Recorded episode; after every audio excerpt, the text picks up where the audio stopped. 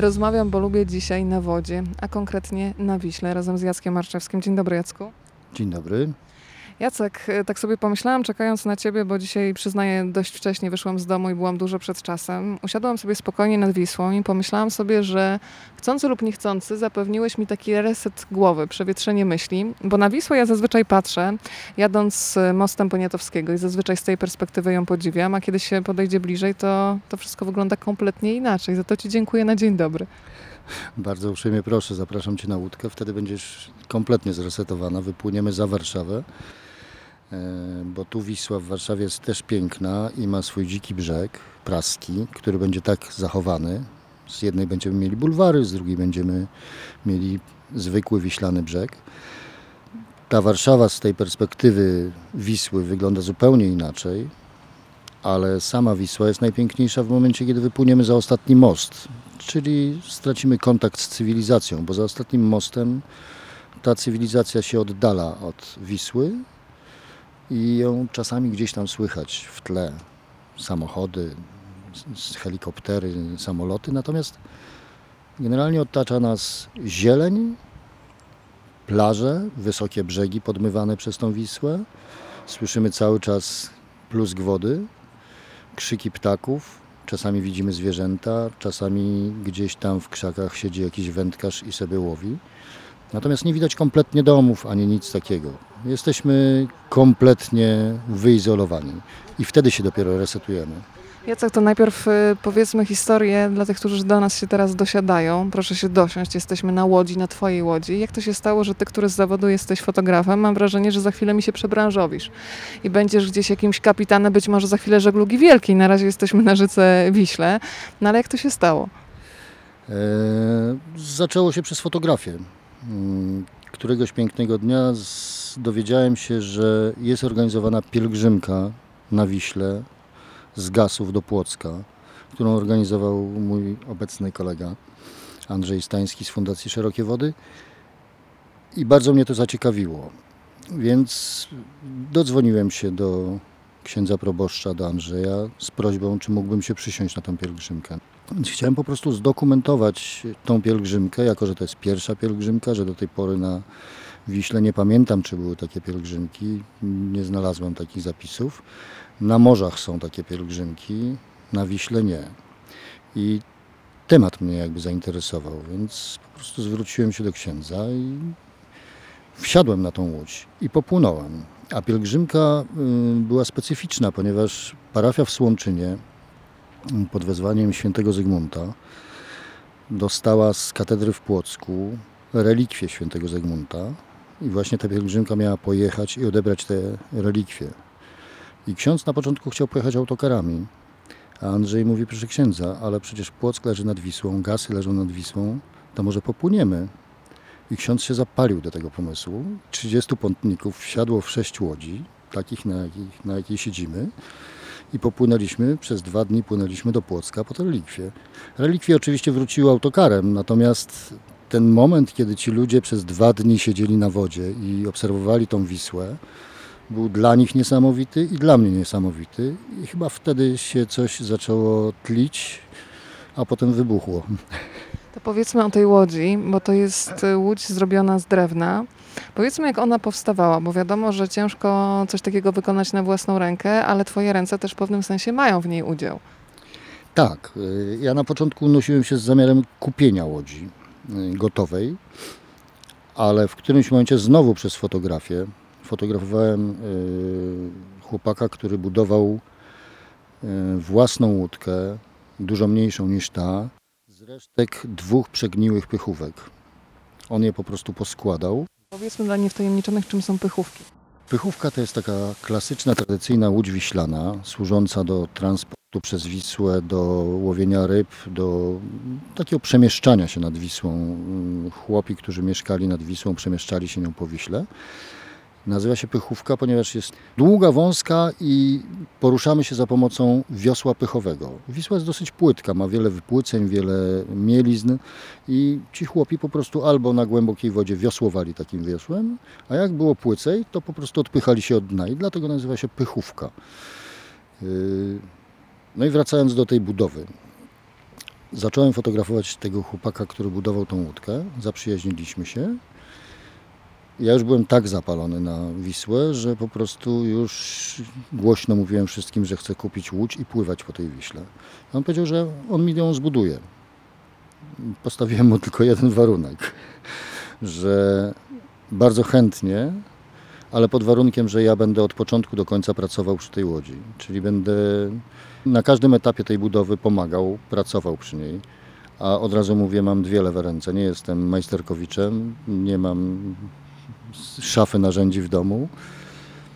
Jak zaczynałem tą łódź, to bardzo niewiele wiedziałem o takiej pracy w drewnie i tak dalej. Teraz trochę więcej wiem, ale też wiem, jaka jest olbrzymia satysfakcja i niesamowite szczęście i energia, kiedy ta łódź już powstanie i kiedy tak jak myśmy to zrobili z ulicy Dobrej, procesyjnie przemaszerowaliśmy z tą łodzią na przyczepie m, tutaj na Cypel Czerniakowski i zwodowaliśmy ją na plaży.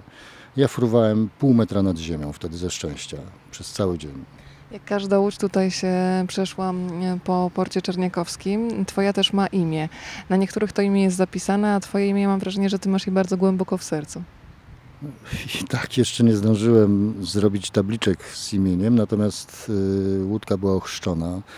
Matkami chrzestnymi tej łódki są moje dwie córki, Natalia i Weronika, a imię Sławka, bo tak się nazywa ta łódź, jest po mojej mamie, na którą wszyscy przyjaciele mówili zdrobniale Sławka i, i po prostu jest to na jej cześć ta łódź. Jest, mama była warszawianką, mieszkała tutaj, uwielbiała Warszawę i uwielbiała Wisłę, więc stwierdziłem, że nie może być lepszego imienia dla tej łódki niż Sławka. Tak sobie pomyślałam, że jesteś tutaj nad Wisłą bardzo często, to mam wrażenie, że cały czas jesteś bardzo blisko. Myślami też mamy w ten sposób. Ta Sławka jest z tobą wszędzie. Tak, i będzie wszędzie do końca. Yy, To prawda, no, cały czas jak się pływa, to się wspomina. Mama była mi niezwykle bliska i bardzo przeżyłem jej śmierć. I to jest taki, taki drobny uśmiech, który mam po tym wszystkim, że właśnie siedzę na łódce i czasami nawet sobie żartuję, no mamusiu, dasz radę. No właśnie, powiedziałeś czasami, że dasz radę. Jak jest z tą Wisłą, z tym żeglowaniem? Zawsze jest tak łagodnie? Powiedz, powiedziałeś, że są tacy ludzie, którzy kiedy się dadzą namówić na pierwszy rejs, to czasami są zdumieni, że prawie jak na Amazonce. To nie jest przesada? E, Ja tą Amazonkę, jakby o tej Amazonce mówię z, przez, ze względu na dzikość tej Wisły i na, y, na to, jak ona wygląda tam właśnie dalej za miastami. Tam naprawdę nie ma nic, co przypomina cywilizację. Są tylko wyspy, są te podmyte wysokie brzegi, są y, przepiękne łachy, płocizny, widzi się zwierzęta, mnóstwo ptactwa. W Wiśle jest mnóstwo ryb, a na dodatek Wisła jest czysta bo ja w tej Wiśle się kąpię co roku. Przez cały sezon pływając, kąpię się normalnie w Wiśle. Zawsze na wiosnę jest ten pierwszy rytualny, pierwsza rytualna kąpiel w dosyć zimnej wodzie. I tu jakby mówię o Amazonce. Czy ona jest niebezpieczna? Jak każda rzeka, jak każdy żywioł, jest trochę niebezpieczna. Natomiast jeżeli się podchodzi do żywiołu i do rzeki z pokorą i z głową, z mądrością, myśląc o tym, co się robi, to nie ma najmniejszego niebezpieczeństwa.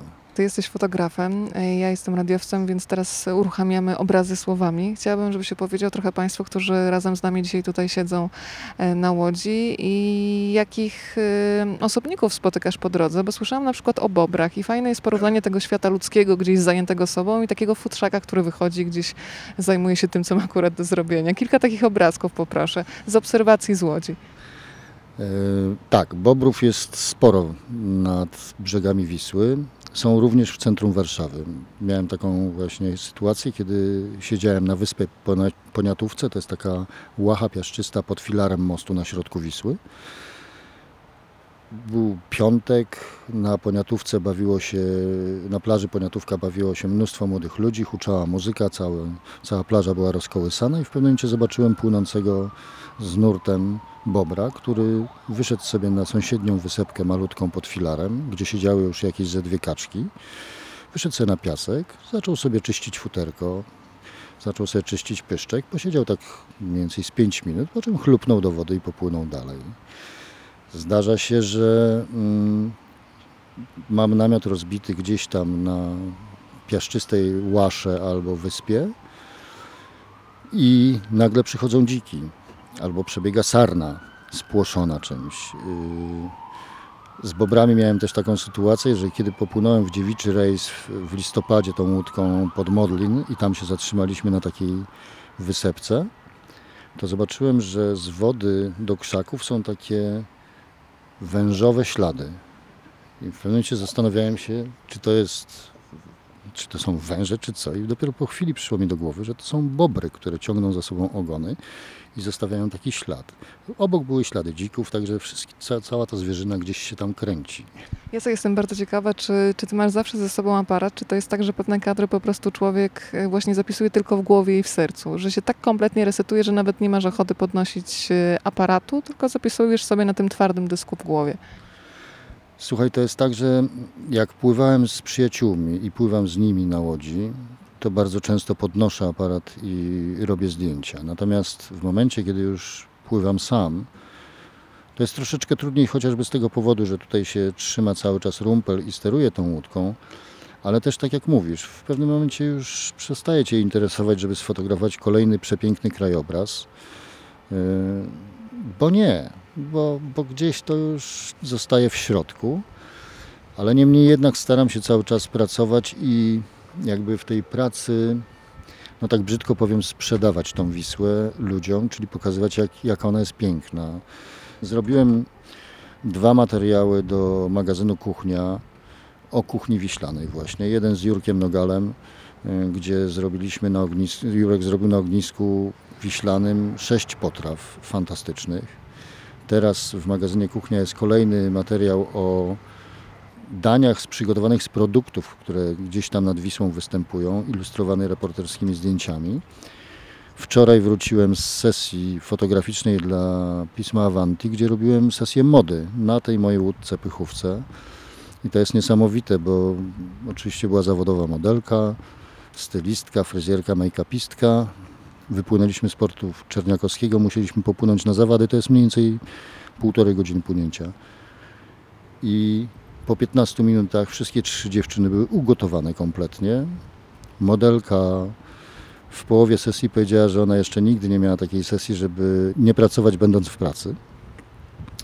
A po powrocie wszystkie rzuciły mi się na szyję i koniecznie chciały organizować już wypłynięcie na Wisłę na dzień albo na nawet na dwa, z nocowaniem na wyspach, z piknikiem i tak dalej. Były zachwycone po prostu. Warto chyba Jacek przypomnieć, że o Warszawie mówiło się, że jest to miasto rzeczne, prawda? Tak. To jest miasto rzeczne, nawet y, w tej chwili nie zacytuję z pamięci, bo się nie przygotowałem, ale jest taki cytat Bolesława y, V warszawskiego, który mówił właśnie o tym, że Warszawa jest miastem rzecznym. I to fajnie, żeby tam ludzie jakby pamiętali cały czas, że to jest miasto rzeczne. Zresztą przez ten handel, który płynął Wisłą, to była największa autostrada w tamtych czasach, najtańszy transport. Przez ten handel y, wzbogacały i rosły takie miasta jak Sandomierz, Kazimierz nad Wisłą, Warszawa, Toruń, Płock, Włocławek. To wszystko rosło na tym handlu. Bogacili się mieszczanie, było zajęcie dla wielu lu- ludzi. Samych flisaków oceniano w tamtym czasie na około 50 tysięcy ludzi. Ludzi, którzy pracowali na Wiśle. Powiedzmy o współczesnych flisakach, bo ty przez to, że tak mocno się zaangażowałeś w Wisłę, to poznałeś nowych ludzi, to są nowe przyjaźnie. E, powiedzmy o tym, jak wygląda ich rytm życia, bo to jest coś, o czym wielu marzy, może tęskni za tym, żeby rytm życia faktycznie e, ustalała natura, czyli jest wschód słońca i oni są na nogach, oni są gotowi do tego, żeby wypłynąć, popłynąć. Tak, taki jest. Miałem teraz szczęście i zaszczyt przepłynąć się kawałek prawdziwą flisacką tratwą. Być może w przyszłym roku zrealizuję to na całym odcinku z Ulanowa do Gdańska, jeżeli wszystko się dobrze potoczy. Natomiast teraz płynąłem cały dzień z, nad, z Gasów w zasadzie do Warszawy. I ten rytm jest niesamowity. To jest y, kilkunastu silnych chłopa, którzy płyną na właśnie takiej 70-metrowej tratwie, która waży 50 ton. Płynie tylko z nurtem rzeki, nie ma żadnego innego napędu. Steruje się nią za pomocą dwóch wioseł, które nazywa się drygawkami. Jedna jest z przodu, jedno wiosło jest z przodu, drugie z tyłu i cały czas meandruje się po tej wyspie, wi- wiśle, czyli płynie się z brzegu na brzeg, szukając głębokiego nurtu, żeby te bale się nie zahaczyły o coś. No i ten dzień wyglądał w ten sposób, że o czwartej rano, oni tam mieli jeszcze w Gasach niespodziankę, ponieważ przyje- przyjechał właśnie ksiądz proboszcz. yy, Flisacy są niezwykle religijni, jeszcze wtrącę. Yy, Przyjechał ksiądz proboszcz, żeby się z nimi pomodlić i pobłogosławić ich yy, relikwiami świętej Barbary, patronki Flisaków. Więc oni byli niezwykle wzruszeni. Też zauważyłem taki przepiękny gest, że po modlitwie, kiedy mieli się przeżegnać, każdy z nich się schylił i zamoczył palce w wiśle i dopiero się przeżegnał. To było wzruszające. To wszystko się odbywało przy wschodzącym purpurowym słońcu, mgłach, które się y, ciągnęły na wodzie i było to po prostu oszałamiające przeżycie. I od tej czwartej rano ci faceci stają na tej tratwie i płyną i płyną tak przez cały dzień do wieczora. Czasami się oczywiście zatrzymują. To też jest specyficzne, jak zatrzymać taką tratwę. Więc oni mają tam z tyłu tratwy takie dwa otwory obudowane belkami i z przodu jeden. I tratwę, żeby zatrzymać, to po prostu tratwę się śrykuje. Czyli Czyli właśnie w te otwory wkłada się takie bale sosnowe, które się wbija, żeby zahaczyły o dno rzeki. I one zaczynają drapać dno rzeki, aż, się, aż zatrzymują tą tratwę. I wtedy tratwa jest unieruchomiona, dopóki się śryka nie wybije z powrotem. I ona wtedy rusza. Powiedziałeś mi jeszcze wcześniej, że w piękny sposób pachną. Zapach to też jest e, ciekawa sprawa. Zapach siana podobno się roznosi. Dlaczego? E, Flisacy żyją na tej tratwie. Oni są tam całą dobę. No I umówmy się, że to jest ciężka charuwa, więc mogłoby te zapachy jakoś przyjemnie by się mogły nie kojarzyć. Oni są całą dobę na tej tratwie, mają tam zbudowane domki, w których y, śpią, mają postawiony stół, przy którym, je, przy którym jedzą i odpoczywają, i mają palenisko normalne, gdzie się pali cały czas ogień. Na trójnogu w kociołku gotuje się strawę, w czajniku herbatę. Powiedziałeś strawę, w ogóle jak onegdaj bywało. jak onegdaj bywało. I te chatki, oprócz tego, że tam są zwykłe materace, osobiste ich rzeczy i ciuchy, są wymoszczone sianem. I to jest niesamowite, bo właśnie to siano powoduje, że w tych chatkach pachnie cały czas sianem, a każdy flisak, który koło ciebie przechodzi, każdy ten silny, spocony, ciężko pracujący facet pachnie sianem. Więc to, to, to jest po prostu jak perfumy. To, to, to, to tak pachnie jak perfumy. To jest niesamowite. To, Jacek, powiedz mi jeszcze taką rzecz. No dżentelmeni wiem, że nie rozmawiają o pieniądzach, ale ja nie jestem dżentelmenem, więc jako dama zapytam, ile trzeba zainwestować w taką łódź? Gdyby ktoś teraz słuchając Ciebie i mając wielką ochotę na to, żeby zrobić sobie taki reset w głowie i spróbować tej przygody, takiej samotni trochę z Wisłą, kiedy się płynie samemu, ile to kosztuje?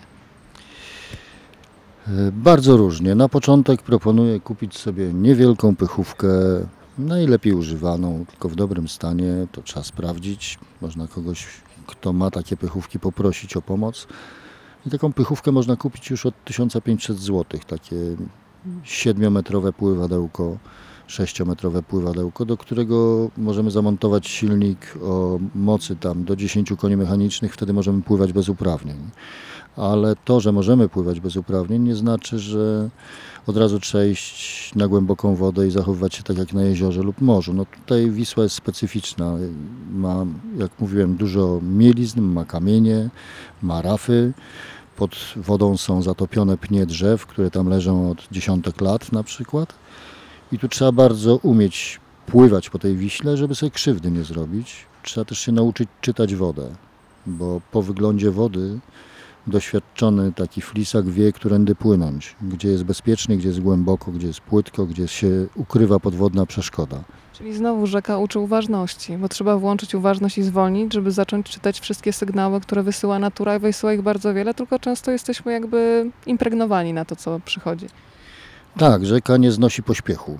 Ona płynie własnym rytmem, to jest dosyć szybki rytm, ale nie znosi pośpiechu i najlepiej się pływa właśnie w sposób spokojny i po, powolny, bo wtedy się, oprócz tego, że jest bezpiecznie, i że jest fajnie, to jeszcze na dodatek widzi się to wszystko, co jest wokoło i słyszy się to wszystko, co jest wokół nas, czyli ptaki, szum drzew, plusk wody i tak dalej.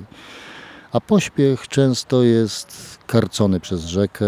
Ostatnio wypoczywając na takiej łaszce wiślanej z moją żoną obserwowaliśmy sześciu młodych chłopców, którzy na pontonie z olbrzymim silnikiem grzali pełną parą przez środek Wisły, tylko że nie przeczytali dokładnie, którędy mają płynąć. W związku z tym wpłynęli na mieliznę i zakończyło się to tym, że ten, który siedział na dziobie tego pontonu, wyleciał na 4 metry do przodu i skąpał się w wodzie. Dobrze, że umiał pływać. Dobrze, że umiał pływać, że tam było płytko. To z pływaniem na Wiśle też jest tak, że można naprawdę być mistrzem w pływackim, ale jeżeli się nie pływa tak, jak rzeka pozwala, to nawet mistrz pływacki może utonąć. Jacek, mówisz pływanie po Wiśle. Jedna sprawa to umiejętności, oczywiście trzeba umieć pływać, ale druga rzecz, czy ta Wisła jest czysta. Ona na taką czystą, jak się patrzy z zewnątrz, no tak średnio wygląda. Pachnie dobrze, wiesz, jestem zasko- zaskoczona tym, bo myślałam, że jak będziemy tak blisko rzeki, że, że może być różnie. A jak jest z czystością? Yy, widziałaś kiedyś przezroczystą, krystaliczną wodę w nizinnej rzece? Dobre pytanie, nie. Rzeka nizinna niesie ze sobą piaski, iły, resztki roślin i dlatego jest mętna. Jeżeli wyjdziesz na płytką wodę, gdzie pod spodem masz piasek, zobaczysz, że ona jest przezroczysta, ale na głębokiej wodzie ona niesie ze sobą wszystko. No najlepszy dowód to są te łachy wiślane. Od setek lat wydobywa się w Warszawie piasek. Dawniej robili to piaskarze, dzisiaj robią to y, maszyny. I tego piasku wydobywają masakryczną ilość. I cały czas ten piasek jest. Więc to cały czas jest nanoszone. Ona jest mętna, ale jest czysta. W Wiśle żyją małże. To jest najlepszy dowód na to, że ona jest czysta, bo małż, małża nie przeżyje w brudnej wodzie. Ja się co roku kąpię w tej Wiśle i jak widzisz, parchów nie mam. Wygląda zdrowo. Słuchaj, a gdybyś miał mm, pomyśleć o Wiśle jako o kobiecie i zastosować takie kryteria fotogeniczności, to jaka jest ta kobieta, jaka jest ta Wisła? Aż to mi zabiłaś ćwieka w tej chwili. Pomyśl chwilę na spokojnie. Na przykład, y, gdybyśmy mogli porównać, bo za chwilę wiem, że będziesz się wybierał na przykład nad Loarę, może nie za chwilę, ale w niedalekiej w sumie perspektywie, no to czym ta Wisła się wyróżnia i czym ta Wisła cię pociąga? Rozmawialiśmy wcześniej trochę prywatnie o różnych pomysłach na życie, że czasami się człowiek zastanawia, czy nie wyjechać z kraju, ale powiedziałeś, no ale jak ja ją ze sobą zabiorę? Więc nie wyobrażasz sobie tego życia bez Wisły, więc co ona takiego ma? Gdzie tkwi ten magnes?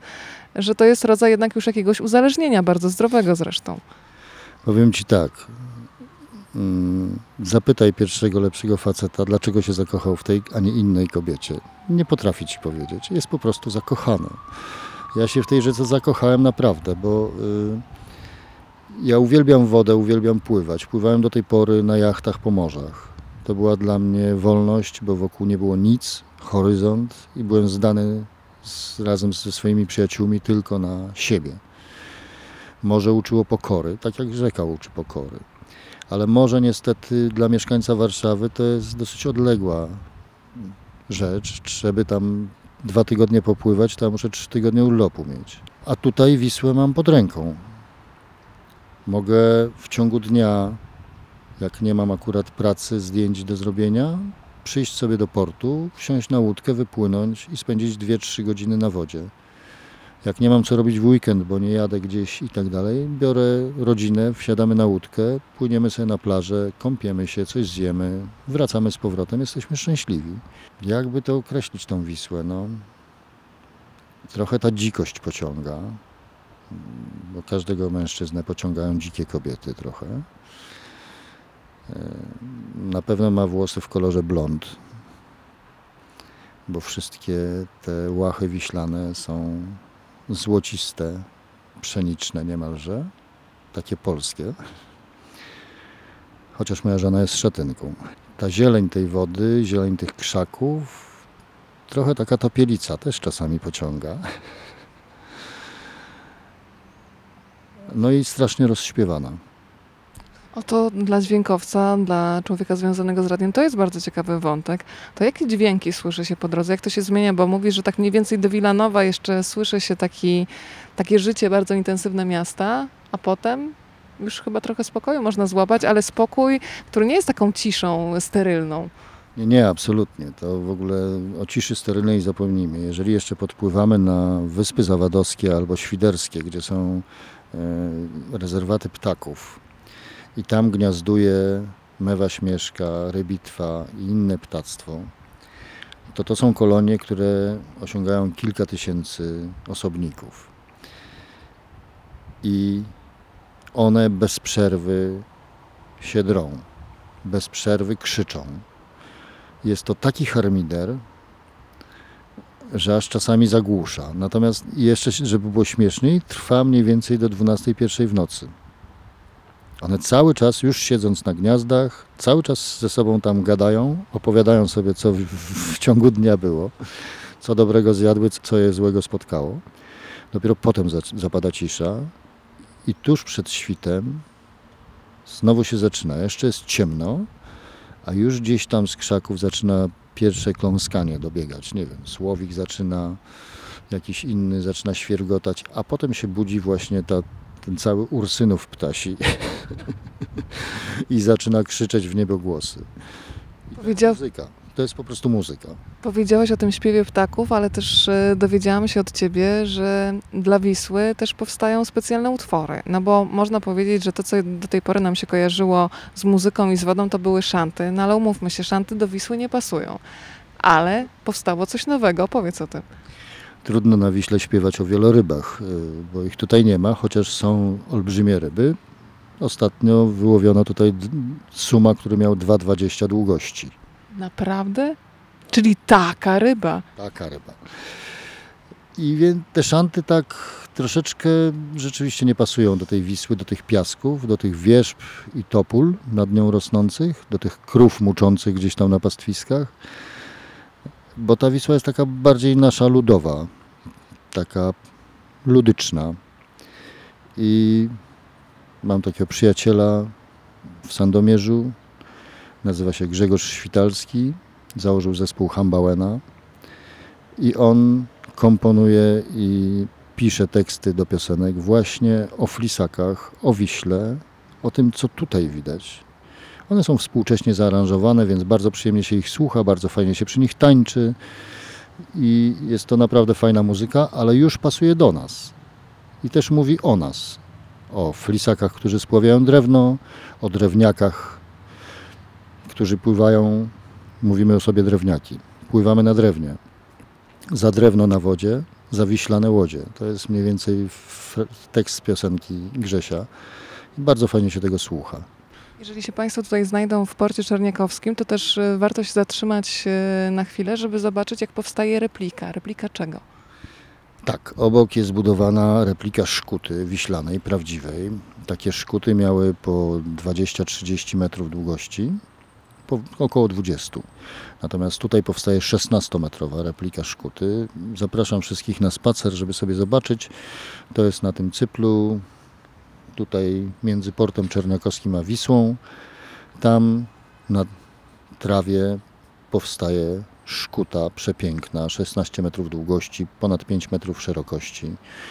Cała z drewna, z wielkich sosnowych dech, z wręgami, które są zrobione z krzywulców tak zwane. Z tak zwanych krzywulce to są takie krzywe gałęzie, które odrastają od drzewa i się szuka takiego kąta, żeby pasował do połączenia dna i burt.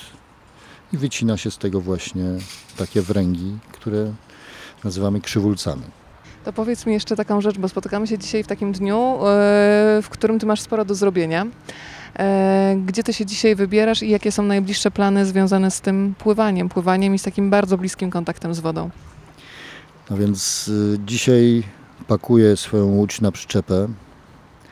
Jedziemy do Sandomierza, gdzie ją zwoduję i w najbliższy weekend będę brał w, udział w festiwalu Dookoła Wody w Sandomierzu. Zapraszam, będzie muzyka, będą tradycyjne łodzie wiślane, y, będzie mnóstwo się działo i mnóstwo będzie można zobaczyć. Można będzie się prze, przepłynąć też naszymi łodziami.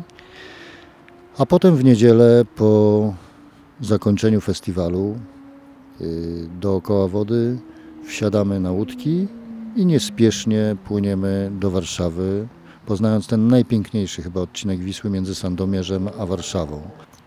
Najpiękniejszy chyba odcinek Wisły, bo od Sandomierza ta Wisła zaczyna być przepiękna, ma coraz więcej wysp, y, rozlewisk i tak dalej, więc Kazimierz, na, na początku tuż za Sandomierzem góry pieprzowe, słynne góry pieprzowe, z których sandomierzanie są niezwykle dumni. Potem odwiedzimy Mateusza Tabakę, szkutnika z Basonii, który buduje takie łodzie tradycyjne. Zajrzymy do Solca, potem dopłyniemy do Mięćmierza, potem popłyniemy do Kazimierza. Być może przejdziemy się po Kazimierzu, potem popłyniemy przez Puławy do Dęblina i do Warszawy. Pomalutku, nie spiesząc się i chłonąc wszystko to, co nam Wisła da. W Warszawie zrobię sobie przerwę, bo muszę troszeczkę popracować. 1 sierpnia tradycyjnie już nasze środowisko tutaj wodniackie przed 17 wypływa na Wisłę wszystkimi jednostkami, jakie można uruchomić i oddajemy hołd powstańcom Warszawy. To z roku na rok wygląda coraz potężniej, coraz więcej tych łodzi jest, żeby o 17 zatrzymać się w miejscu, puścić z nurtem rzeki Wieniec dla powstańców i w ten sposób oddać im hołd. To takie nasze święto. A potem zaczynam płynąć do Torunia. Też powoli, niespiesznie. Będę płynął do Torunia na festiwal Wisły, który zaczyna już wyglądać, że będzie bardzo mocnym festiwalem, gdzie będzie bardzo dużo jednostek tradycyjnych, różnych. Płyną do Torunia y, flisacy z Loary właśnie, własnymi jednostkami przez całą Europę. Płyną do Torunia na to święto. I tam będziemy świętować cztery dni tą Wisłę, a potem we wrześniu razem z najsłynniejszym galarem w Polsce, galarem solnym, którego retmanem jest Jarek Kałuża z Krakowa, który 12 razy przepłynął tą Wisłę od zerowego kilometra do Gdańska i z powrotem, który na festiwal w Orleanie, festiwal łodzi tradycyjnych, przepłynął galarem z Krakowa przez całą Europę na festiwal 2700 km mniej więcej. Razem z nim moja łódka jedzie w tym roku właśnie na kolejną edycję festiwalu w Orleanie, Święta Loary. No i będę miał fantastyczną okazję, ponieważ w planach mamy tak, żeby dowieść łódki nad Sekwanę, zwodować je, przepłynąć tymi łódkami przez Paryż, więc Sławka będzie przepływała przez Paryż. Sekwaną dopłyniemy do kanału, tym kanałem dostaniemy się na Loarę i Loarą dopłyniemy do Orlanu, gdzie znowu przez 4 dni będziemy świętować w towarzystwie około 700 jednostek drewnianych, które przypływają tam z całej Europy i z gośćmi, którzy przyjeżdżają zobaczyć ten festiwal, a jest ich razem nie bez mała milion, więc spora grupka.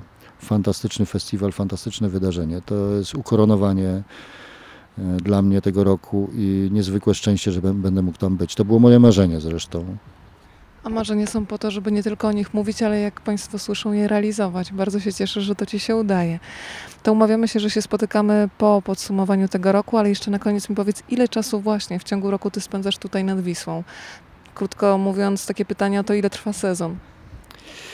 Sezon zaczyna się zazwyczaj koło marca. Nawet jak jest jeszcze śnieg i jest zimno, to ja zaczynam się kręcić w, po, w pobliżu portu, żeby już się przymierzyć do tego, że będę przygotowywał łódkę do mm, sezonu, jak również, żeby zaczarować pogodę, żeby szybciej było cieplej. Jak się pokazuje pierwsze słońce i robi się tak już po około 10 stopni, to zaczynam się zabierać za przygotowywanie łódki, czyli muszę ją uszczelnić, muszę ją pomalować od nowa, drobne naprawy i czekam na moment, kiedy będę mógł ją zwodować i zacząć pływać. Na początku jest jeszcze zimno, trochę ciągnie po rajstopach. Natomiast z dnia na dzień robi się coraz cieplej. No i to jest zależy, bo jeżeli jest ciepło, to tak jak w przypadku roku, kiedy zwodowałem tą łódkę, to jeszcze na początku listopada spałem pod y, namiotem w Modlinie i było ciepło. Więc jak jest długa, ciepła jesień, to można do listopada, do połowy grudnia jeszcze mieć łódkę na wodzie i jeszcze pływać sporadycznie. Potem już się troszeczkę chłodno robi trzeba ją wyciągnąć, żeby odpoczęła sobie też. Obiecaj mi na koniec jedną rzecz. Jeżeli ktoś z naszych słuchaczy pojawi się w porcie czarniakowskim i cię zobaczy, czy może podejść i po prostu pogadać, przysiąść się do ciebie i zapytać o szczegóły, bo być może to będzie kolejny partner do tego, żeby się gdzieś tam spotkać na rzece, pomachać, przybić piątkę i też wspólnie złapać spokój. Bardzo zapraszam. Ja to wszystko robię. Rozmawiam z Tobą nie tylko ze względu na naszą starą przyjaźń, ale też dlatego, że jestem gadułą i uwielbiam mówić o Wiśle ludziom, którzy jeszcze nie mają pojęcia, czym jest Wisła, żeby ich do tego właśnie przekonać. To widać w ciągu ostatnich paru lat, jak wiele osób pojawiło się nad Wisłą.